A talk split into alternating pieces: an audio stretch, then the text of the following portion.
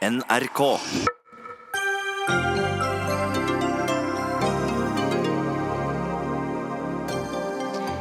Erna Solberg lovte bedre skoleresultater med Høyre, men i dag fikk Skole-Norge et nytt PISA-sjokk. Norske gutter leser dårligere enn før.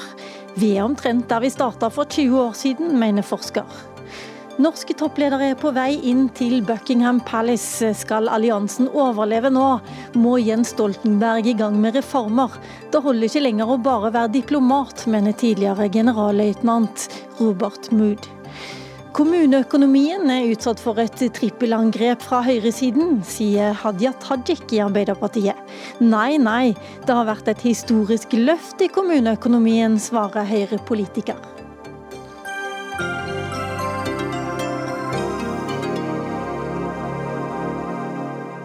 Ja, Vi skal også høre at eh, Senterpartiet mener NOAH ikke støtter opp om norsk jordbrukspolitikk, og derfor vil kutte støtten deres over landbruksbudsjettet. Det blir en debatt som vi skal ta senere. Nå er det sånn at eh, vi skal ønske god kveld. Du hører LRCR på Dagsnytt 18, og mitt navn det er Lilla Sølhusvik. Og vi starter med at Skole-Norge i dag fikk et eh, nytt PISA-sjokk. Norske gutter leser dårligere enn før. Hver fjerde ligger ligger under kritisk grense, som skal gjøre dem i stand til både nye jobber og mer utdanning. Etter 20 år med tiltak og kunnskapsløft, så er Norge tilbake der vi starta med PISA-undersøkelsene, mener du eh, Martin Flatø, som er forsker på Folkehelseinstituttet. Hva er det du mener er mest alvorlig nå? Jo, altså Man skal jo være forsiktig med å lese for mye ut av én en enkelt undersøkelse. Eh, men jeg ble vel overrasket over at PISA-resultatene var såpass svake. Altså at eh, elevene gjør det dårligere enn det de gjorde i 2015, både i lesing og naturfag.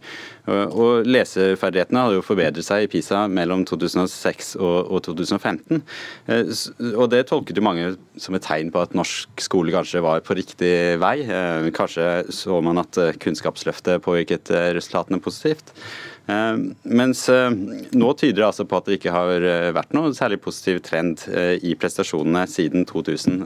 Verken i, i lesing eller matte eller naturfag.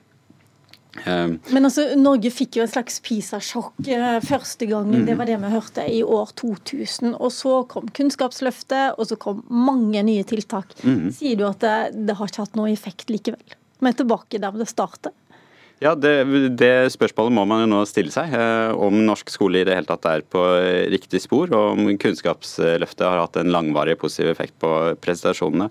Og jeg vil si Det er to ting som særlig er eh, alarmerende. Så Det ene er jo at eh, elevene som presterer på de laveste nivåene i lesing, blir stadig flere. Altså det er flere av dem i 2018 enn i 2015. Og Det andre er jo at gutta gjør det spesielt dårlig.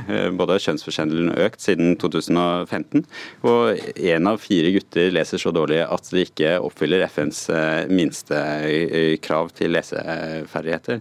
Um, og I matte og naturfag så ser vi at jentene for første gang gjør det bedre enn en guttene. Uh, så Jentene har altså et økende fortrinn på alle fagområder, som vi også ser i karakterene i tiende trinn. Vi skal gå litt nærmere inn på detaljene i undersøkelsen etter hvert, men jeg må jo spørre deg først, da, Jan Tore Sanner, som kunnskapsminister. Hva tenker en Høyre-statsråd om dette? Det var jo dere som skulle ta over utdanningsfeltet nettopp for å bedre resultatene i skolen. Ja, og Heldigvis eh, så går veldig mye i riktig retning i, eh, i skolen. Hvis du ser på barnetrinnet, så går det frem både i norsk, i matte og naturfag. Og det er flere elever som fullfører og består. Men jeg mener Så vi skal ikke legge noe særlig jo, vekt på at 15-åringene gjør det dårligere? Jo, jo, det skal vi. Eh, jeg mener at de resultatene vi nå ser i lesing, de skal vi ta på det største alvoret. Jeg mener det er viktig at vi, at vi har PISA, og at det er åpenhet om resultatene. fordi at skolepolitikken den må være kunnskapsbasert. Og Når vi nå ser at eh, det er en økende gruppe elever som ikke har eh, leseferdigheter på et nivå som gjør at de eh, kan gjennomføre videregående skole f.eks., så mener jeg det er alvorlig. Når vi ser at det er økende forskjeller mellom jenter og gutter, så er det alvorlig, og det, derfor tar vi også tak i det. Men det er riktig som du sier, har fått høre i dag, at eh, man eh, fra starten av eh, i første klasse ser det ikke så store forskjeller på gutter og jenter. Forskjellene øker etter hvert. Men er det noe som Høyres skolepolitikk kanskje kan lastes for, da, at det går dårligere med norske gutters leseferdigheter? Ja, Nå går det jo da bedre på, på barnetrinnet. Ja, eh, men etter hvert som jo, de blir 15 år? Ja, hvis, hvis, jeg bare får lov til, å, å fullføre. Fordi at uh, Det er noen funn i, i, disse undersøkelsene som jeg mener er viktige å, å, se nærmere på. Det ene er når vi ser at det går bedre på, på barnetrinnet, så betyr det at, uh, at den innsats som nå gjøres i å få frem de grunnleggende lese-, skrive- og regneferdighetene, satsing på lærerne på begynneropplæring, det ser ut til til å virke. Men så virker det som det er noe med motivasjonen fra barneskolen opp i mellomtrinnet og ungdomsskolen. Jeg har stor tro på de nye læreplanene som, som nå kommer. Eh, der legger vi eh, økende vekt på de grunnleggende ferdighetene, men også flere fag som skal bli mer utforskende. Eh, og Det tror jeg vil bidra til økt motivasjon hos guttene. Og så er det et annet funn i PISA i dag. og Det er at det er ganske dramatiske endringer i ungdoms lesevaner. Eh, det er Blant guttene så er det nesten syv av ti som sier at de bare leser hvis de må. Det er færre som leser på, på fritiden. Eh, det er eh, også en overgang fra å lese bøker til sosiale medier, til, til spill. Og det kan også gå utover leseferdighetene, og ikke minst utholdenhet i lesing. Og Derfor okay, har jeg nå bare... tatt initiativ til at vi skal få mer forskning og mer kunnskap om hva digitaliseringen gjør med leseferdighetene. Martin Flatø, du satt i Stoltenberg-utvalget, eller du satt i sekretariatet i hvert fall, som utreda kjønnsforskjeller i skoleprestasjoner. Hvor alvorlig er det eh, er forholdene eller tilstanden for guttene at de at de leser dårligere, at den dårligste gruppen blir større. Ja, eh, Nei, Det er noe vi er veldig bekymra for. Eh, fordi at Vi ser jo en eh, ganske sterk samvariasjon mellom skoleprestasjoner i ungdommen, og, og, altså i ungdomsskolen og, og fullføring i, i, videregående. Og da når, når elevene gjør det dårligere i, i lesing og naturfag, og kjønnsforskjellene øker, så kan det bli enda vanskeligere for mange elever, og særlig gutter, å fullføre videregående. Eh, og Noe av det alvorlige med å ikke fullføre videregående, er jo at det også kan bidra til utenforskap på ganske mange eh, områder. Eh, vi ser det på, helsefeltet. Eh, økt dødelighet blant eh, de med lavere eh, utdanning. vi ser at sjansen for å stå i jobb i 20-årene er dobbelt så stor for, for gutter som har fullført videregående. Og menn uten videregående utdanning blir i økende grad også barnløse. Så dette er et, et sammensatt og stort eh, samfunnsproblem eh, at vi ser denne økningen i eh, skole, forskjeller i skoleprestasjoner. Mm. Hvis dere tar på hodetelefonene nå, så skal vi også ha med oss Kjersti Lundetre, som er professor og eh, leder ved Lesesenteret på Universitetet i Stavanger. Og jeg lurer på, Hva er forklaringen på at det er så stor forskjell på jenter og gutter i lesing, som det vi ser nå i denne PISA-undersøkelsen? Jeg tror jo de som du nettopp har snakka med, har en del av forklaringen på det. Det er nok ganske sammensatt. Eh, vi vet at gutter i større grad enn jenter eh, spiller dataspill, at de er mer på digitale flater. Så kanskje leser de mindre nå enn tidligere sammenlignet med jenter. Men så er det òg noe med prøven sin utforming, da, så kanskje favoriserer jenter noe mer enn gutter. Vi ser at det er mindre kjønnsforskjeller på nasjonale prøver enn det er på PISA f.eks. Eh, og vi vet jo òg at eh, hvordan eh, man utformer spørsmål, det påvirker kjønnsforskjeller.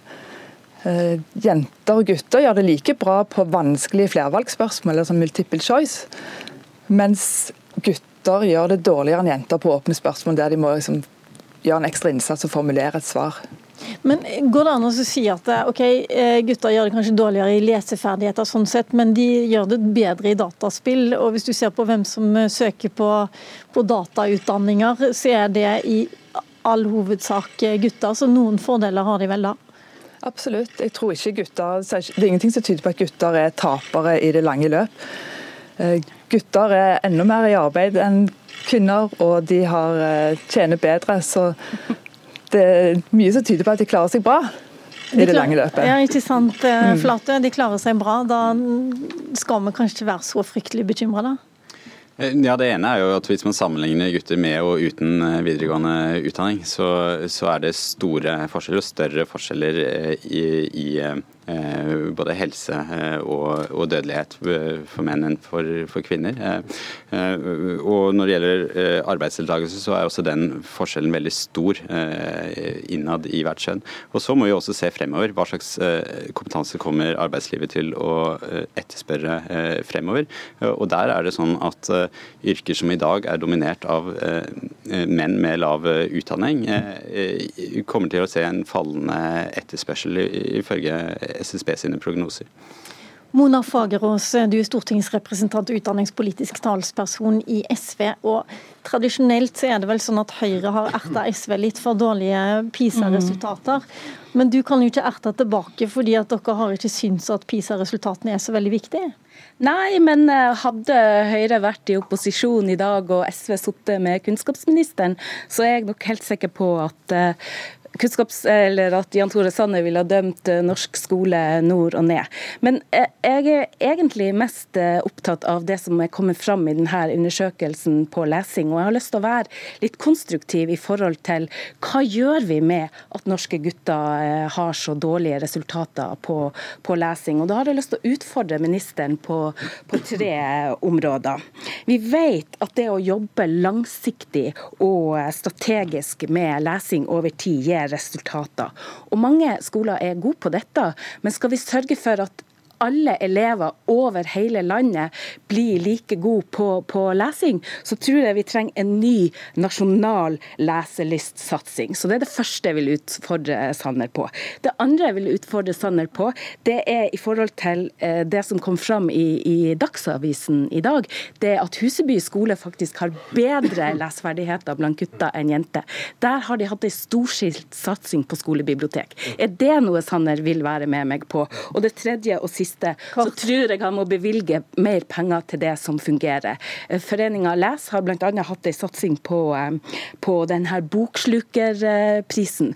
Og det går som varmt hvetebrød. De klarer ikke å levere nok. Okay. Disse burde fått muligheten til å eh, hatt rulla det her ut til alle norske skoler.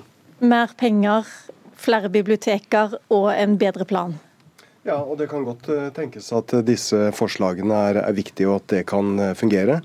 Jeg har gleden av å reise rundt og besøke både barneskoler, ungdomsskoler og videregående skoler, og ser at det gjøres mye godt i, i norske skoler. Med skolebibliotek, med at elevene leser og, og, og lærer. Der vi la frem PISA-undersøkelsen i dag på Jordal skole, så gjør også guttene det like bra som, som jentene. Så jeg mener at vi, vi, kan, vi kan også lære av de som gjør det godt i norsk skole skole. Eh, nå har jeg akkurat satt ned et ekspertutvalg som skal se på de skolene som bidrar mest til å, å løfte eh, elevene. Hva er det de gjør som, som, fungerer? Og jeg mener at eh, både leselyst og andre tiltak er noe vi skal se på. Men vi kommer ikke bort ifra de tiltakene som vi nå iverksetter, nemlig at vi må se på barns norskkunnskaper før de begynner på, på skolen. Det var også noe som Stoltenberg-utvalget tok opp, slik at vi kan hjelpe dem på et tidlig tidspunkt. At vi har også en, en plikt til å gi barn eh, en intensivopplæring i å lese, skrive og regne hvis de blir hengende etter, og at eh, lærerens kompetanse betyr noe. Og Når vi nå får på plass i også de nye læreplanene, så er vi veldig tydelige der på at elevene skal lære å lese både på skjerm og papir. At du skal ha utholdenhet i, i lesing, og at de skal bruke lesestrategier. Så jeg mener at de nye læreplanene de, jeg må bare avslutte med det. De nye læreplanene de svarer på mange av de utfordringene vi nå ser i PISA, eh, og vi skal satse langsiktig på at alle skal lære å lese, skrive og regne skikkelig. Kjersti Lundetre, nå har du hørt en lang rekke tiltak og ideer. Eh, hva tror du å, hva tror du vil bidra mest til at både gutter og jenter lærer seg å lese bedre? Nå har det skjedd veldig mye positivt, særlig tidlig på barnetrinn, med fokus på tidlig innsats. Så vi ser faktisk at gutter nå har bedre utbytte og lærer mer lesing i løpet av første klasse enn jenter. Så Tidlig innsats er kjempeviktig, men vi må også gjøre noe for de elevene som henger etter på mellomtrinnet og på ungdomstrinnet. Og Der tror jeg vi må gjøre mye mer. Hva skal gjøres med de 15-åringene som nå har fått uh, dårlige resultater? da? Er det for seint, eller eh, skal man nå bare satse på de unge? Nei, det er ikke for seint. Vi må få til god engasjerende undervisning gjennom hele skoleløpet. Eh, at det er både meningsfullt og, og engasjerende. Ja, Sander? Ja. Jeg er helt enig i at tidlig innsats det må gjelde hele skoleløpet. Jeg la frem en stortingsmelding nå for tre uker siden som heter 'Tidlig innsats og inkluderende fellesskap tett på'. og Det handler nettopp om at eh, du må eh, også oppleve, hvis du får problemer på mellomtrinnet og ungdomstrinnet, at du får god hjelp og, støtte. og Vi nå skal også se på om denne plikten til intensivopplæring ikke bare skal være på første til fjerde trinn, men utvides til andre trinn. Men, men, kan jeg bare få Du har en, en lang liste her, mm. Eh, Sanner. Men du mistet ikke litt motet da. I 2009 så sa Erna Solberg faktisk Hun garanterte at med Høyre så skulle PISA-resultatene bli bedre. Eh, nå snakker vi ikke om, eh, om de lavere trinnene, for i dag, den undersøkelsen som har kommet, den viser at det er 15-åringene som er tilbake til start. Men du henviser til hva hun sa, og, hun, og Erna Solberg snakket ikke bare om PISA. Hun sa, snakket om resultatene generelt. PISA-resultatene skulle opp, var det, det jeg leser ja, på VG hun, hun, hun i dette øyeblikk? Hun sier f.eks. PISA og, og PIRLS. Jeg mener at de resultatene vi nå ser, de skal vi ta på alvor. Og Jeg blir, jeg blir, skremt når eh, flere partier i Stortinget sier at vi ikke skal ha PISA. Jeg mener vi må ha kunnskap om skolen. Det er viktig at vi er kunnskapsbasert for den politikken vi iverksetter. Når vi nå også ser at Eh, at elever som da snart skal over i videregående skoler, ligger under kritisk nivå, så må vi også se nærmere på overgangen mellom ungdomsskolen til videregående skole, slik at vi nettopp kan, kan gjøre som du er inne på, sørge for at flere faktisk også fullfører videregående skole, for de skal ut i et arbeidsliv som stiller økende krav til formell kompetanse. Fagerås? Ja, jeg er enig i at det bør forskes mer, men jeg er mest opptatt av kvalifiserte lærere. Og det er der jeg mener at denne regjeringen har svikta. Det er så stor mangel på kvalifiserte lærere i norsk skole, og det er der kanskje en av eh, innsatsen burde forsterkes. Okay. Det kommer nye resultater om tre år. Vi får samles igjen da. Hjertelig takk, eh, Jan Tore Sanner, kunnskapsminister. Mona Fagerås i SV. Martin Flate, forsker Folkehelseinstituttet. Og Kjersti Lundetre, professor ved Lesesenteret Universitetet i Stavanger. Tusen takk. Dagsnytt 18 alle hverdager kl 18.00 på NRK P2 og NRK2. Når eh, Nato-toppene feirer 70-årsdag med ledermøte i London, handler mye om hvem som ikke må snakke med hvem. Frankrikes Macron må helst ikke gjenta at alliansen er hjernedød, og i alle fall ikke kritisere Tyrkia for krigen de fører i Syria. Mye gjøres for at Trump skal si så lite som mulig, og i alle fall ikke skryte av Boris Johnson, som er midt i en valgkamp. Akkurat nå er ledere for alle Nato-landene på vei inn i Buckingham Palace. Og korrespondent Øyvind Nyborg, du er med oss fra London. Og sjelden har vel kongelig etikette vært mer påtrengt enn med denne forsamlingen i dag? Ja, det, det kan uh, kanskje hende, men skal vi tro uh, vår egen eh, statsminister Erna Solberg, som, på, eh, som, jeg snakket med på vei inn her, så sier hun at eh, når man beveger seg i disse kretser, så noe av det første man lærer seg, det er at disse lederne her og de kongelige er også vanlige folk, akkurat som deg og meg. Men det er jo altså 29 stats- og regjeringssjefer som har kommet hit til London for å feire Natos 70 år. Men det er jo klart at det er et Nato som eh, vi ser nå pga. den siste utviklingen i Syria, som vi ser er mer splittet enn på lenge. Også med, eh, over Atlanteren mellom Europa og USA. USAs president Donald Trump og Jens Stoltenberg, generalsekretær i Nato, hadde et uh, møte tidligere i dag og en pressekonferanse etterpå som først og fremst gikk utover uh, Frankrikes president. Fortell hva skjedde? Ja, Han sa egentlig, han brukte ordet 'nasty', altså at det er nasty, det er dårlig og respektløst gjort av eh, Emmanuel Macron å gå rundt og kalle Nato for hjernedød. Han mente at eh, det ikke passet seg for en president som sliter, eh, som har et land som sliter stort økonomisk, og som også har utfordringen med de gule vester. Han sa i tillegg at Frankrike er et av de landene som trenger Nato aller mest. Så uh, Trump gjorde ikke sitt til for å dempe konflikten. og i alle fall ikke, Det kom iallfall ikke noen innrømmelse av at uh, han, uh, som representerer en stormakt, da bruker Nato som sitt politiske redskap for å fremme sin egen våpenindustri, som kanskje var noe av det som var poenget til Macron. Men etter samlingen hos dronningen i dag, så skal NATO, selve Nato-toppmøtet faktisk først starte i morgen. Hva blir de viktige sakene? Det er klart Man skal jo snakke om sin yndlingsfiende Russland, man skal snakke om terror. Men for første gang skal man også snakke om eh, Kina og trusselen derfra. Eh, kineserne har jo utplassert nye raketter som kan eh, treffe alle Nato-land. Men så kan det hende at det kommer noe godt ut av uttalelsene til Macron. At man skal snakke om hvordan man kan samarbeide bedre politisk for å unngå såkalt alenegang i verdenspolitikken. At man ikke bare samarbeider samarbeider militært. Takk skal du ha, Eivind Nyborg fra London. Nato er inne i en eksistensiell krise. Det er det flere eksperter som snakker om nå, bl.a. du, Asle Toje, som er forskningssjef ved Nobelinstituttet. Jeg var det, nå er jeg ikke det lenger. Jeg er bare utenrikspolitisk forsker og kommentator. Jeg. Da beklager jeg det, det står feil i papirene mine her. Men eh, velkommen likevel.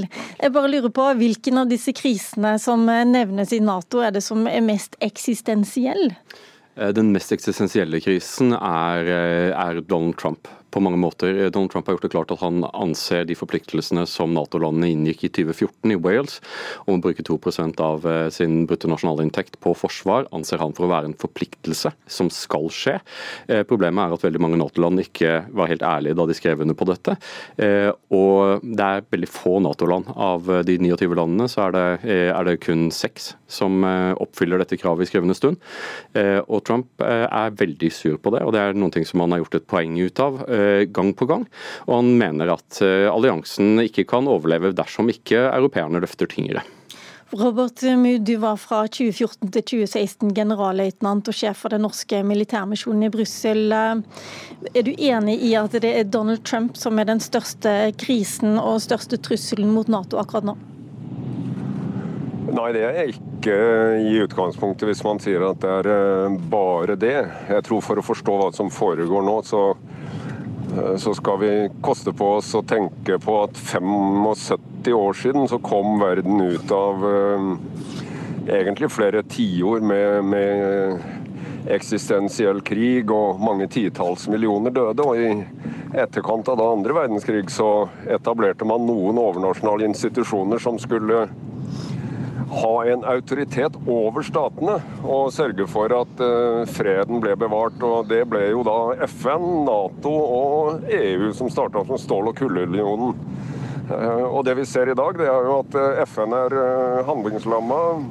EU er i eksistensiell krise i henhold til sine egne ledere. Og Nato rives i sine sammenføyninger. så Eh, det handler om mye mer enn bare Donald Trump. Det handler om Europas eh, selvstendige identitet, og det handler om eh, strategisk tenkning og lederskap i møte med at atomkrigen har rykket oss mye nærmere på ny, og eh, at naturødeleggelsen er blitt akutt, okay. klimakonsekvensene ser vi osv. osv. Men jeg lurer jo litt på, eh, vi ser og hører om Jens Stoltenberg som balanserer Donald Trump, og at man halverer bl.a. møtet for å unngå flere skandaler, på en måte. Hva mener du Jens Stoltenberg egentlig må gjøre nå? Er det, er det, gjelder det bare å holde det gående til man får en ny president i USA? USA? Eller skal man f.eks. ta tak i de utfordringene som Macron eh, viser til når han sier at hele alliansen er gjerne død? Ja, Disse møtene er jo regissert på forhånd, så prestasjonen her det er jo at møtet i det hele tatt eh, avholdes. Og man kan jo bli utrolig imponert over Jens Stoltenberg. Det må jo være diplomati av aller ypperste internasjonal klasse å klare å holde Erdogan og Macron og og Trump inne i en, i en slags enighet, iallfall slik at de ikke går fra hverandre. Men eh, hvis jeg skulle gi et råd, så ville vel jeg si at eh, kompromissenes tid, i betydningen å holde Nato samla som et mål i seg sjøl, uten å ta de store diskusjonene, bør være lagt bak oss og ta invitasjonen fra Macron og virkelig gå inn i de store strategiske spørsmål. Hvilken rolle skal Nato ha i fremtiden? Hvilken identitet skal Europa ha og dyrke fram i forhold til USA? Den debatten tror jeg er overmoden, særlig i lys av eh, de utfordringene verden står overfor eh, de kommende tiår. Asle Toje, har Macron et poeng når han sier at eh, her trengs reformer eller her trengs noe annet? Eller er det egentlig sånn at Nato er for stort for, for Frankrike, de vil heller være store i EU? Ja, I forhold til det Mood sier, så er det Saken er at Nato har vist seg i løpet av 70 eh, år at eh, alliansen kan overleve alle slags uenigheter unntatt én. Hvis man mister støtten fra USA, så er det over. og Derfor er det Trump som er den store faktoren her. Eh, når det gjelder innspillet fra Macron, så er, har det vist seg at han har veldig få som er enig med han i Europa. Norge har reagert veldig negativt, det er også tyskerne. Og det har også Donald Trump. Hadde harde ord til Macron nå. Amerikanerne ønsker en, en mer jevn byrdefordeling maktfordeling. Franskmennene er mer opptatt av maktfordelingen, at de, de, vil ha mer innflytelse. Men nå skal vi huske at Frankrike alltid har vært et brysomt land i Nato. De forlot den integrerte militære strukturen i 1966, kom først tilbake i 2009. Så det er kanskje ikke uventet at franskmennene har litt vanskelig med å finne seg til rette i, uh, i, alliansen slik den er nå. Men de har vel et poeng i at det, det har stort sett de siste gangene vi har hørt fra Natos toppledere, så har det vært en pengekrangel? Det er sant, eh, men eh, det å finne nye fiender er litt vanskelig pga. at amerikanerne er interessert i å trekke Nato inn i deres geopolitikk vis-à-vis Kina. Det er ikke europeerne interessert i. Macron er interessert i å søke en slags detant med russerne. Det er noe som gjør både tyskere og nordmenn veldig veldig eh, eh ubekvemme. Eh, og I så måte så, så, tror jeg at det beste vi kan håpe på, er at det, ingenting eksploderer. Store... Men hva, hva er da ditt råd for at Nato skal kunne feire både 80, 90 og kanskje 100 100-årsdag? Jeg tror det er viktig at man har en større forståelse for de sikkerhetspolitiske utfordringer som uten, ulike land har. Norge vi har vår situasjon på nordflanken. Hva, hva, betyr det? Betyr det at eh, hvis bare Norge og de andre oppfyller sitt eget ønske om å bevilge 2 av, av BNP til forsvar, så, det vil, så går det vil hjelpe en hel del, men, også, men uh, Tyrkia og deres sikkerhetsutfordringer er noen ting som ikke har blitt tatt på alvor av Nato. Uh, og det at tyrkerne kommer og er, og er veldig misfornøyde eh, har å gjøre med at eh, de anser at deres nasjonale interesser ikke blir tatt på like stort alvor som andre lands nasjonale interesser. Og Det tror jeg er noe man må ta tur med. Hva tror du, Robert Mood, tror du det blir en 80-, 90- og 100-årsdag for Nato?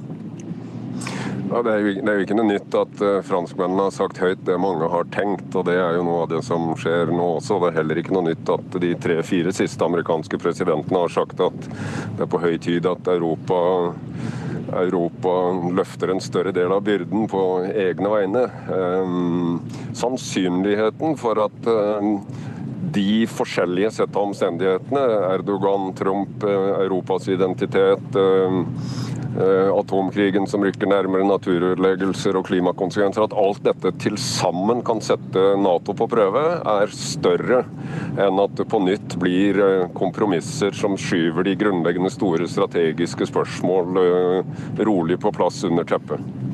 Eh, til slutt, Asle Toje, er det noe som tyder på at dagen i morgen og dagen kvelden i kveld kan bidra til at det blir litt mer harmoni i Nato-leiren? Ja, Som eh, Robert Mood påpekte, så har generalsekretær Stoltenberg gjort en utmerket jobb, og det hører jeg fra alle kanter. I tillegg så har eh, det norske utenriksdepartementet engasjert seg sterkt i denne saken, og sørget for at de ulike Nato-landene, våre allierte, eh, har en felles virkelighetsoppfatning. Så jeg tror at Norge har spilt en stor rolle for opp imot dette møtet, og jeg tror nok at det er mange som sitter foran TV-en også i UD nå for å håper at dette kommer til å gå bra. Hjertelig tusen takk, eh, Asle Toje, som da er tidligere forskningssjef ved Nobelinstituttet. Og takk også til Robert Mood, som er tidligere sjef for den norske militærmisjonen i Brussel.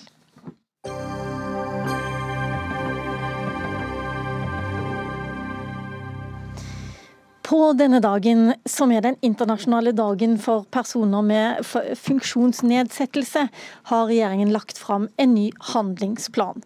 Den skal sikre funksjonshemmedes rettigheter, deltakelse og inkludering i samfunnet. Lista over tiltak er lang, men dette er bare gammelt nytt, mener dere, generalsekretær Lillian Elvestad i Funksjonshemmedes Fellesorganisasjon. Hva er det som burde stått i handlingsplanen? Ja, Det kunne sikkert stått litt mindre, men mye mer konkrete tiltak. Eh, for å si det sånn, Vi ble ganske skuffa over den handlingsplanen som kom. og Vi tenker jo at dette er en plan som viser veldig tydelig at det er langt fra ord til handling. Trine Skei Grande hadde en strålende innledning på dagen da hun la fram planen i, i, dag tidlig. Hun vet hva barrierene er, hun vet at det må gjøres noe. Men når det kommer til tiltakene, så ser vi at regjeringen ikke er villig til å gjøre det som trengs. Eh, og jeg tenker at eh, som likestillingsminister så kan ikke Trine Skei Grande være fornøyd med dette. Trine Skei Grande, kulturminister eh, og Venstre-leder. Du var i dette studioet tidligere i morges. Tolv timer siden, ganske nøyaktig. Ja. Og Da hørtes det ut som om du var ganske stolt av denne handlingsplanen, som en rekke organisasjoner nå sier er gammelt nytt og veldig lite forpliktende. Ja, nå er det mange organisasjoner som også har sendt melding om at de er veldig glad for denne planen. Og jeg tror at De har ikke latt høre fra nei, seg så mye i offentligheten? De, jo, det har de nok gjort, men det er ikke sikkert de sender melding til Dagsnytt 18. Så, og det som, det som, er det store skiftet her, er at vi snur fra en sånn omsorgsperspektiv til et rettighetsperspektiv. Og det er det, det, er det, det er nye med denne planen. Og så er det sånn at Planen handler ikke om en sånn tiltaksliste som, eh, som uh, statsrådet skal gå fra A til B på, på, dette tidspunktet. Dette skal være en rullerende plan som også skal være dynamisk. En av de tingene vi har f.eks. fastslått, er at vi vet for lite om dette. En rullerende plan som også skal være dynamisk? Ja, det høres skal, ut som en ja. ordentlig politikerfase. Ja, men Da skal jeg forklare mer hva jeg mener. Det betyr at disse tiltakene som er, skal også utvikles underveis. Fordi vi vet for lite på mange av disse saksfeltene. Derfor har vi satt av penger til forskning for å kunne målrette ting. Men er ikke det derfor du lager en handlingsplan? Da da har du kommet over den derre researchfasen og komme med de konkrete handlingene? Jo, det vi har funnet ut er jo at det er hvilke områder det er vi skal jobbe på. Og så må vi finne ut at hvis vi f.eks. hatkriminalitet knytta til funksjonshemming er et ganske sånn nytt felt som vi fikk ny forskning om i år. Det må vi følge opp videre. Og Det skal vi også følge opp i en ny handlingsplan som kommer senere om hatkrim og rasisme og, og hele bredden av det. Den okay. frem også før jul. Men da kan men, dere bare vente på en ny handlingsplan da, Lilian Elvestad? Ja, det kan se sånn ut. Eh, dynamisk handlingsplan. Eh, det er for oss eh, hva skal jeg si, et signal om manglende forpliktelser. Skal huske på det at Funksjonshemmede i dag de blir utestengt fra alle livets arenaer. Og Det er veldig viktig det Trine Skei Grande sier om å gå over til et likestillingsperspektiv. Eh, og, og, regjeringen hyller CRPD, men de gjør ikke det aktive tiltak å faktisk innbake det i norsk lov. Hva, hva, sa du nå? Hva er det konkret du etterlyser? Jeg etterlyser at FN-konvensjonen som Norge har forpliktet seg til, også blir en del av norsk, norsk lov. Mm. Det betyr å faktisk realisere det likestillings- og diskrimineringsvernet som Trine eh, er opptatt av at skal, skal på plass. Vi skal vite at funksjonshemmede blir utestengt fra alle livets arenaer. Hadde vi kunnet sett en konkret forpliktelse til eh, økt diskrimineringsvern, eh, universell utformede skoler, det å eh, tydeliggjøre og muliggjøre at funksjonshemmede i mye større grad kan få gjennomført en høyere utdanning, noe som vi vet er helt avgjørende for økt sysselsetting. Mye mer forpliktende eh, tiltak i forhold til at arbeidsgivere må forpliktes på å også sysselsette funksjonshemmede. Okay, og da også i kommunene, ikke bare i staten. En av de tingene du snakker om, f.eks. universitet, eh, universit, universelt utforma skoler. Ja. Eh, helt konkret, hva er det det handler om? Det handler om at i dag så er 80% av norske skoler ikke tilgjengelig for funksjonshemmede barn. De er ikke universelt utformet. De kunne ha satt, eh, satt, tydelige mål på når det skulle være en realitet. Funksjonshemmede barn får ikke gå på sin nærskole. De må eh, reise til skoler som er langt unna sitt lokalmiljø. Eh, og eh, det kunne eh, Det ligger en plan klar i, i direktoratet som er laget, og, og veikart til, til skole. Og den kunne de vært en mye mer forpliktende plan på. Kunne du ikke f.eks. strøke 75 av de 85 eh, tiltakene og så tatt gått inn helt konkret på hvert fall en så eh, viktig ting for funksjonshemmede som dette, Trine Kjær Grande? Ja, det ligger både tilskuddsordninger her. Det ligger også at vi skal lage en ny plan for, for tilrettelegging av skolebygg, men det ligger ikke at vi skal statliggjøre skolebyggene. Det at staten skal overta skolen, det ligger ikke her. Men det ligger også utdanning av alle som jobber med dette feltet i hver enkelt kommune, om både om lovgivninga på dette feltet og internasjonal lovgivning, og at vi skal ha dette likestillingsperspektivet på den jobbinga som vi gjør. Og vi gjør masse på f.eks. innenfor staten har vi satt som mål at 5% av alle ansatte skal enten være folk med hull i CV-en eller som har vært utafor arbeidsmarkedet av sånne type ting. Det er ganske konkret. Jeg er kjempestolt av at vi i Kulturdepartementet har klart 9% i år i ansettelse. Det er veldig mange konkrete tiltak på både på høyere utdanning og på vergemål og på mange av de oppgavene som vi skal jobbe videre med. Så jeg tror at Da må man bruke litt tid på å lese litt ordentlig, hvis, man, hvis det er kritikken at vi ikke har tiltak på de sakene. Er det det som er problemet nå, at eh, Funksjonshemmas eh, fellesorganisasjon ikke har lest ordentlig? Ja, Det ligger i hvert fall veldig mye gode svar på de utfordringene som kom akkurat her, på de feltene. Det er klart at vi har økt eh, f.eks. Med, med tiltaksplasser. Vi har økt støtten innenfor Nav hvert eneste år for å også sørge for å få til et sterkere samarbeid med næringslivet. Vi har en samarbeidsavtale med NHO og Nav for å gjøre det lettere for å ta funksjonshemma også inn i private bedrifter. Og Det er mange tiltak som ligger her. Det er mange hundre millioner i tiltak som ligger, ligger her i denne handlingsplanen. Så du skal lese litt bedre? Ja, det, det kan godt hende. Men, og, og, men, men, jeg tror vi har lest ganske godt. Og det som er en utfordring her, for det er mange tiltak. Det som er en utfordring, er at regjeringen her beskriver Altså, De har putta alt oppi samme bøtta. Vi hadde nok forventa en mye mer hva skal jeg si, eh, retta handlings, handlingsplan, som kunne beskrive hva er det faktisk regjeringen vil gjøre som er nytt. Den, å, å henvise til eh, inkluderingsdugnaden, den har vært der lenge. Men hvorfor ikke ta skrittet videre til å faktisk også tydeliggjøre, for det vet jeg at vi er enige om, at tydeliggjøre at kommunene har et helt mye større ansvar for også å kunne være med på den dugnaden. Og når vi sier dugnad, så, så sliter jeg virkelig med det, fordi at dugnad er noe som er midlertidig, og det er frivillig. Jeg ønsker at det skal være en klar forpliktelse i det norske samfunn at funksjonshemmede også skal være hjertelig velkommen på arbeidsplassen. Det, men, men, det er derfor vi har satt oss ganske, ganske konkrete mål. 5% innen staten, det er et ganske konkret mål. Mm. Det å sørge for at vi nå setter av 7 millioner til opp opplæring av kommuneansatte et ganske klart mål. Når vi setter av fem millioner til å innføre digitalt ledsagerbevis for å gi tilgang på kultur, så er det et ganske klart mål.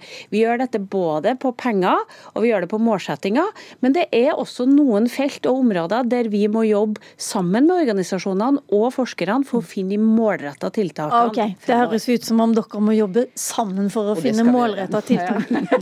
Ganske mye framover. Tusen takk, Lillian Elvestad i FFO, og Trine Skei Grande, kultur, kulturminister.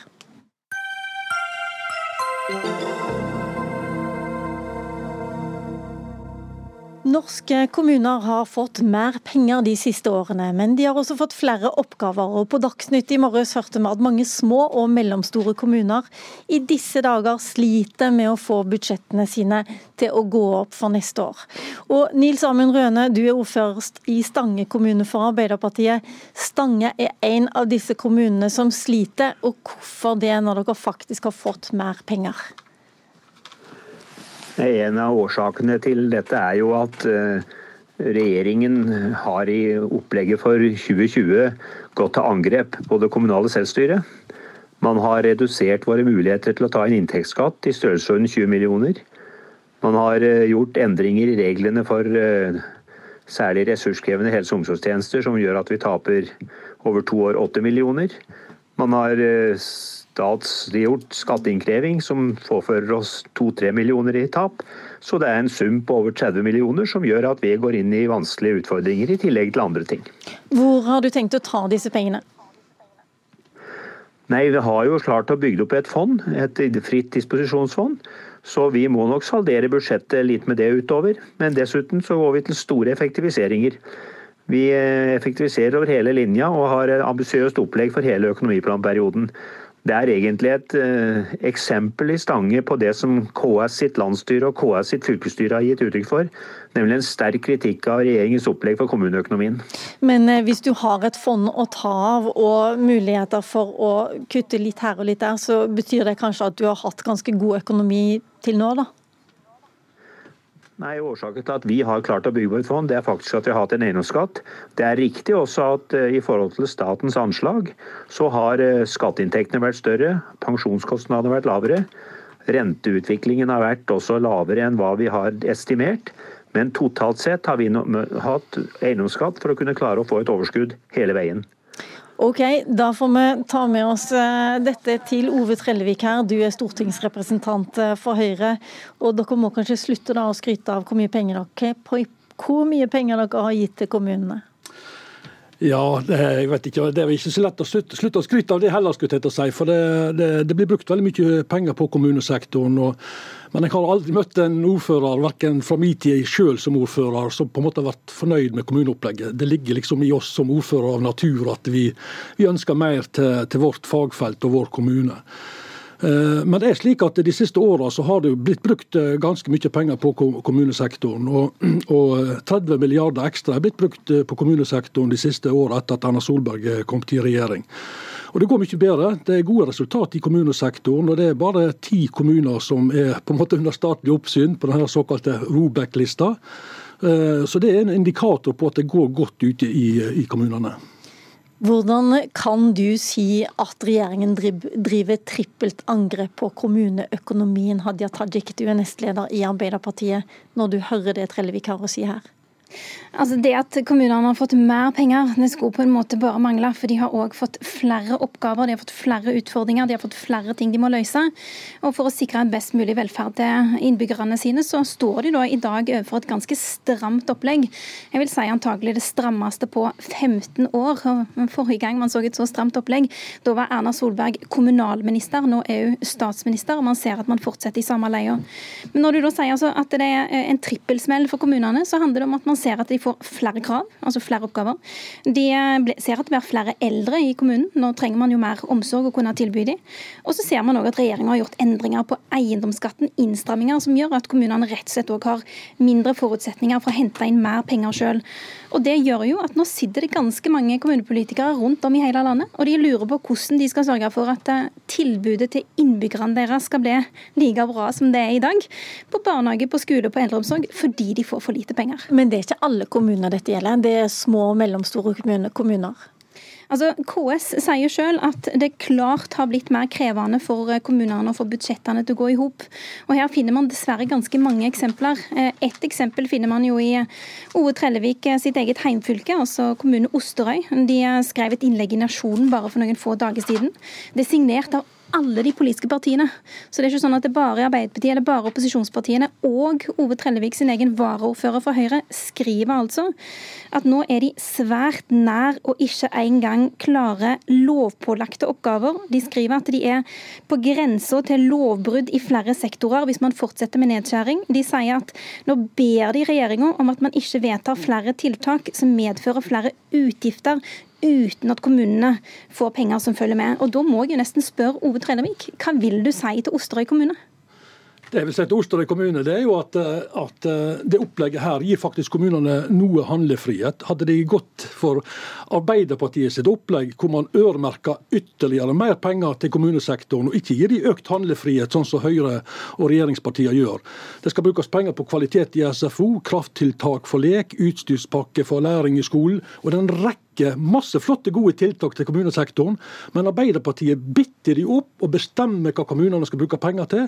Sånn at det er ikke noe frihet for at disse kommunene kan få redusert sine kostnader på de utgiftene som de opplever i tunge. Så når din egen varaordfører er kritisk til din regjering, sitt kommuneopplegg, så har han egentlig misforstått når han sier at de er svært nær å ikke engang klare lovpålagte oppgaver? Det er klart at det er et stramt budsjett, det kan vi alle være enige om. at det er, når det er altså Det går veldig godt i norsk økonomi, og det kjenner du godt til. At det er på en måte en, en såkalt negativ budsjettimpuls. Dvs. Si at de skal bruke mindre oljepenger enn, enn i fjor til neste år. Men da må jeg få lov å skryte av regjeringen òg, som faktisk har en økning av kommunebudsjettet. At de klarer faktisk å prioritere en pluss i kommunebudsjettet. Men det, det spørs vel kanskje om ordføreren som Hadia Tajik nevner, er så fornøyd med at det er noe tross alt bedre enn før? Budsjettet er bedre enn før, altså rammene er bedre enn tidligere. Men det er klart at kommunene tar jo på seg egne oppgaver i tillegg til regjeringens oppgaver. Og Så, det, det, er deres egen skyld? Nei, nei, nei, men det, det, er det ikke. Ja, Selvfølgelig er det deres egen skyld, for de, de velger jo selv sitt e- kostnadsnivå utenfor de lovpålagte oppgavene. Men når det er sagt, En av grunnene til at mange kommuner sliter nå, det er jo fordi at uh, man forholder seg til budsjettall. Og det er jo sånn at Skatteinntektene til staten og til kommunene har økt noe drastisk i løpet av høsten. Fem milliarder mer har kommunene fått i skatteinntekter i løpet av høsten i forhold til da vi behandler kommuneproposisjonen. Og Det gjør at, at kommunene på en måte sitter og anstrenger seg med et budsjett så i praksis, altså når regnskapet kommer, viser at det faktisk gikk bedre. Men altså, Det blir så mye tall her, ja, og du sier at ja, de har fått fem milliarder mer, men de har mm. vel også Vi er enige om nå ikke sant, at det de sitter igjen med, det er mindre enn før? etter at de skal ha bemanningsnormene i barnehager, i skole, eh, etter at de kutter i eiendomsskatten, som dere har eh, ofte pålagt dem, eller i hvert fall krever inn mer, mindre eiendomsskatt, sitter ikke, så sitter de igjen med mindre penger. Det viser den oversikten som KS la fram i dag. Ja, Den har ikke sett. Men, men, men, uavhengig av det, da, så er det jo sånn at, at uh, den øremerkningen som på en måte ligger i budsjettet vårt i dag, den er jo frie inntekter, 1,3 milliarder frie inntekter. Så nevner du det at skolesektoren og utdanningssektoren uh, blir fullfinansiert.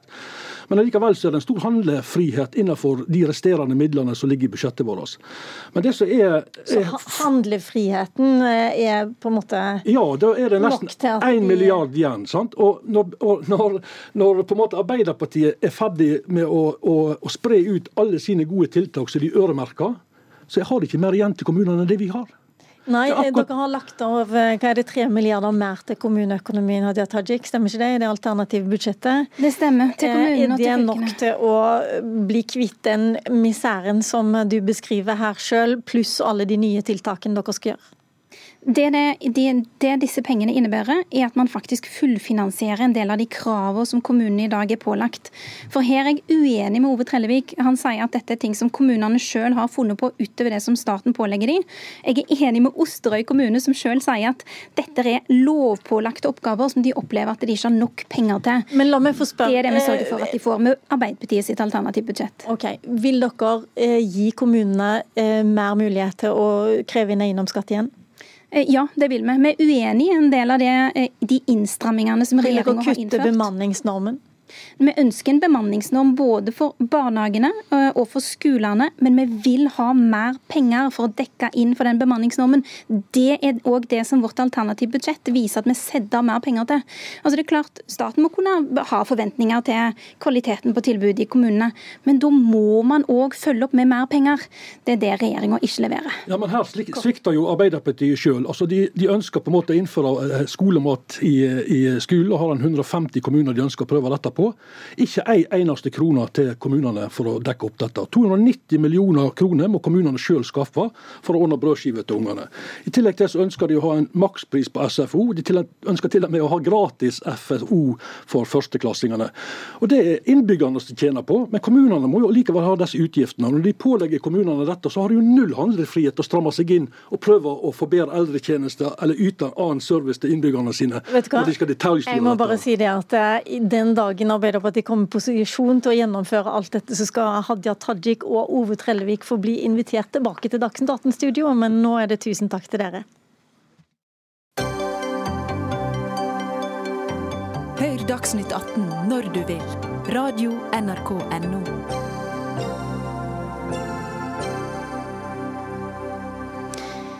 Organisasjoner som skal ha støtte over statsbudsjettet, må kunne støtte opp om dyrehold, norsk landbrukspolitikk eller de landbrukspolitiske målsettingene. Det har et flertall i Stortingets næringskomité vedtatt, og det skriver avisa Nasjonen om i dag. Den formuleringen er dere i Senterpartiet spesielt glade for, Geir Pollestad i Senterpartiet, bl.a. fordi det betyr at dyrevernorganisasjonen NOAH må miste sin støtte. Hvorfor mener du de ikke lenger skal få penger fra statsbudsjettet? I et eh, fritt samfunn så har jo selvsagt alle organisasjoner lov til å være til stede og gjøre sin aktivitet. Men i et Men fritt samfunn som Senterpartiet er med på å styre, så skal ikke frie organisasjoner som er mot norsk landbrukspolitikk få støtte? Nei, men De har ikke krav til å få støtte under Landbruksdepartementet, det er jo det dette handler om. Vi mener at de organisasjonene som får støtte fra Landbruksdepartementet, de bør eh, være opptatt av landbruksverdier, av bygdeverdier, av distriktsverdier. og bygge opp under det. Så er det andre støtteordninger som en fritt må benytte. Slik jeg leser Nasjonen i dag, så ser det nesten ut som om du har lurt de andre i komiteen med på dette her? Nei, Overhodet ikke. Dette er de partier som står bak dette har jobba med dette budsjettet lenge, og har helt sikkert lest det mange ganger. Så dette er et uttrykk for komiteens vilje, og det er jeg veldig godt fornøyd med. Og så skal nå Landbruksdepartementet lage disse retningslinjene for framtidig tildeling av støtte av penger fra Landbruksdepartementet. Men konkret, hva er det NOAH ikke er støttende nok til, da, som du mener f.eks. at uh, Dyrevernalliansen uh, faktisk støtter mer? Som, for de vil du gi statsstøtte også? Jeg oppfatter at NOA er imot enhver type dyrehold. De skriver på sine nettsider at de er imot slakteri, de er imot jakt. De er, imot, de er kort og godt imot det som norsk landbruk er, nemlig bruk av husdyr. Er det paradoksalt at dere som er imot alt dette, Siri Martinsen, leder i NOA, faktisk henter deres støtte fra landbruksbudsjettet? Um, nei, det viktige her er jo altså den Formuleringen er jo så vag at, um, at, vi er ikke så veldig bekymret for støtten. Vi har også snakket uh, med andre partier som på ingen måte tolker uh, denne merknaden slik Senterpartiet gjør. Men det som er dramatisk her, er jo nettopp at Senterpartiets intensjon med merknaden er å belønne organisasjoner som mener det samme som dem, som støtter opp om deres landbrukspolitikk og industrialisert husdyrhold. og på samme måte da ønsker å styre frivilligheten, hva frivilligheten skal tenke, mene og jobbe med, slik at man får minst mulig kritikk mot industrialisert kjøttproduksjon og minst mulig kritikk eh, mot den landbrukspolitikken man har per i dag. Men merknaden i seg selv er jo latterlig, fordi eh, hvilken landbrukspolitikk er det man skal støtte? Skal Senterpartiet støtte FrPs landbrukspolitikk, eller skal Frp støtte Senterpartiets landbrukspolitikk? Noe er jo selvfølgelig for en landbrukspolitikk, men vi ønsker en mer et mer plantebasert landbruk som er bra for både dyr og miljø. Nei, her, skal, her skal det ikke være noe krav om at en slutter opp om den ene eller andre eh, landbrukspolitikken. Hovedlinjen i norsk landbrukspolitikk eh, ligger fast og er veldig klart definert. og Det baserer seg på at vi har husdyr i Norge. Men du har jo definert at de som da går for mer plantebasert landbruk, eh, de er ute. Nei da, det er de overhodet ikke. Vi, når vi satt i regjering, så ga, ja, vi ikke, så ga vi ikke støtte til noe, men vi ga støtte til Dyrevernalliansen. Fordi at de har en ulik tilnærming til disse spørsmålene. Hva med Bondelaget? Hvis de er imot landbrukspolitikken til den sittende regjeringen, bør det, bør det straffes? Så vidt jeg vet, så får ikke Bondelaget støtte fra staten. Der hørte du noe. Det er ikke noe problem. Siri Martinsen. Um, nei, altså Det jeg hører fra Senterpartiet, det er at de vil stagnere debatten om kjøttproduksjon, om hva landbruk skal være. Og det i en tid hvor vi har klimakrise og naturkrise, og hvor FN sier at vi er nødt til å radikalt legge om landbruksproduksjonen av hensyn til klima og miljø mot mer plantebasert landbruk. Og også i en tid hvor etologisk forskning kommer med det ene beviset etter det andre for at dyr har følelser og behov som står i diametral kontrast til forholdene vi tilbyr dem i eh, industrialisert husdyrproduksjon. Så her ønsker man altså å eh, bruke statsstøtten som en slags sånn straff- og belønningssystem. Belønne de som ikke kritiserer så altfor mye, eh, men samtidig da straffe de som virkelig setter store, viktige spørsmål og ny forskning på agendaen. Og da må jeg jo bare si at Senterpartiet har misforstått totalt hele ordningen med statsstøtte. Statsstøtten er ikke til for at politikerne skal drive og manipulere frivilligheten og og drive og nærmest utvikle et korrupt system hvor man skal løpe etter dem og smile og smiske og mene det samme som dem. Okay. Statsstøtten er til for et fritt organisasjonsliv og en kritisk politisk debatt. La meg eh, ta inn en eh, tredje debattant her. Eh, Arne Nævra, du er stortingspolitiker for SV. Jeg lurer på, Er du enig med Pollestad i at denne formuleringen som et flertall har vedtatt i næringskomiteen, betyr at organisasjoner som NOAM må miste sin støtte? пожалуйста. Nei, altså SV var jo de eneste som dissenterte her. Vi er jo ikke med på den merknaden. og Jeg tror rett og slett at her, eh, her må det ha skjedd et arbeidsuhell. og Jeg tror at her kommer det til å komme en del fra talerstolen når denne saken kommer til salen. Her er det noe som er blitt tatt på senga. For jeg trodde faktisk dette var en aprilspøk da jeg så denne merknaden først. Og så er det mulig rent prinsipielt at man skal sette betingelser for støtte til de organisasjonene som jobber i skjæringspunktet norsk landbruk, jordbruk. Og Hvis dette her skulle vært en prinsipiell greie, så ville det jo vært sånn da at f.eks. Folkeaksjonen ny rovdyrpolitikk får 1,6 millioner kroner. Og det vil jo Pollestad støtte. Men de er jo ikke på linje med stortingsflertallet f.eks. i ulvepolitikken. De vil ikke ha ulv i Norge. Så du kan si at det prinsipielle her er altså Vi er inne på farefull vei hvis det er sånn at vi skal til enhver tid bare støtte de som støtter den offisielle politikken i Norge. Hva i alle verden er det? Hva med avvisene? Hva med de andre som får støtte? Mm. Geir Pollestad, du er leder til og med i næringskomiteen. Hvordan kan du gå med på dette her? Nei, altså det at, det at, SV står ut forbi, det viser jo at her har partiet tatt eh, stilling til om de er for eller mot denne formuleringen. Og det er ikke så oppsiktsvekkende, for når SV sist satt i regjering sammen med Senterpartiet, så fikk noe ikke statsstøtte. Det kom når eh, Frp kom inn i Men det handler vel om mer enn noe akkurat dette her. Det handler jo rett og slett om denne formuleringen. Jeg kan lese den opp en gang til. At eh, de som skal ha støtte over statsbudsjettet må kunne støtte opp om dyrehold, norsk landbrukspolitikk eller de landbrukspolitiske målsettingene. Jo, jeg, Hva mener, betyr det da? Jo, jeg mener at de skal være enig i at vi skal ha et landbruk i Norge, at vi skal ha husdyr i Norge. Og så er det full aksept for at vi har ulike synspunkt på hvordan det er organisert. Det er helt greit. Ikke redd for debatt. Men dette er ikke et spørsmål om organisasjoner skal ha rett til å eksistere, ha frihet til å uttrykke sine meninger. Dette er et spørsmål om de skal få støtte fra Landbruksdepartementet eller ikke, og det mener Senterpartiet at de ikke skal få. Fordi at de er et parti som skriver at de er mot slakteri, de er mot skyting av ville dyr. Altså De er på en måte mot alt som norske bygder, norsk landbruk, norsk distrikt er. Kan jeg kommentere? Nevra først, så skal du eh, OK, Siri Martinsen, kom igjen. Du er med oss på linja her. Det handler jo faktisk om at Senterpartiet ønsker et statsstøttesystem som bryter med Grunnlovens paragraf 100. Der står det at det påligger statens myndigheter å legge forholdene til rette for en åpen og opplyst offentlig samtale. Det innebærer at statsstøtten selvfølgelig ikke skal brukes for å belønne de som kritiserer minst mulig, og straffe de som kritiserer og utfordrer mest med nødvendig ny forskning innenfor dyrevelferd og miljø. Uh, og og så, er jo dette som sagt ganske meningsløst. Hvis altså Vi har snakket med de andre politikerne som ikke tolker dette slik Senterpartiet gjør. Men hvis man mener alvor med at man skal styre, at politikere skal styre hva frivilligheten tenker, mener og gjør, ja, da dette får man vær så god å konkretisere. Mm. Hva, er det sånn at dyrevernorganisasjoner må være for slakterier? Dyrevernorganisasjoner må være for industriell kyllingproduksjon. Dyrevernorganisasjoner må være for å ta livet av dyr.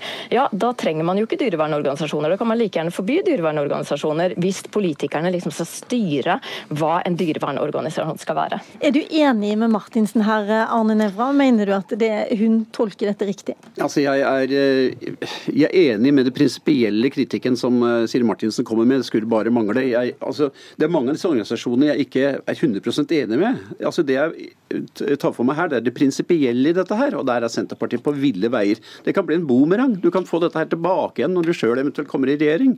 Dette her er en meningsløs merknad som jeg tror folk vil legge merke til som et eller annet arbeidsuhell. Du skal huske på Det er flere organisasjoner her som er kritiske til norsk landbruk. De ønsker å være kritisk røst. F.eks. vil de ha mer kortreist mat, de vil ha mindre import av kraft for osv. Som du egentlig er på lag med i opposisjon. Pollestad, har du tenkt på det? At plutselig så sitter du sjøl der og ja, da skal jeg gjøre som eh, når eh, meg og Nevra sitt parti sist satt i regjering. Da hadde ikke noe statsstøtte, men vi støtta en rekke andre organisasjoner som hadde kritiske merknader til vår politikk. Og dette handler ikke om at en skal ha en ensretting, men det handler men om at Men ett sted går grensa, er det det du sier? Jo, fordi at en må støtte opp under altså norsk landbruk basert på husdyrhold. Eh, og det er klart at de som vil bekjempe norsk landbruk, det er ikke gitt at de skal ha støtte fra Landbruksdepartementet sitt budsjett. De kan gjerne få støtte fra andre organisasjoner følge miljøforskeres råd. Jeg må bare, jeg må Jeg er nødt til å stoppe der, eh, Siri Martinsen, for vår tid er rett og slett omme. Eh, beklager, der skulle hun ha fått, eh, fått ordet, men vår tid er omme. Tusen takk til Siri Martinsen, som er leder i NOAH. Geir Pollestad, leder i næringskomiteen, og Arne Nævra, stortingspolitiker i SV. Så får vi se om vi hører mer om eh, den saken senere. Ansvarlig for sendingen Ingebjørg Sæbu, teknisk ansvarlig Erik Sandbråten. Lilla Sølhusvik sier takk for oss.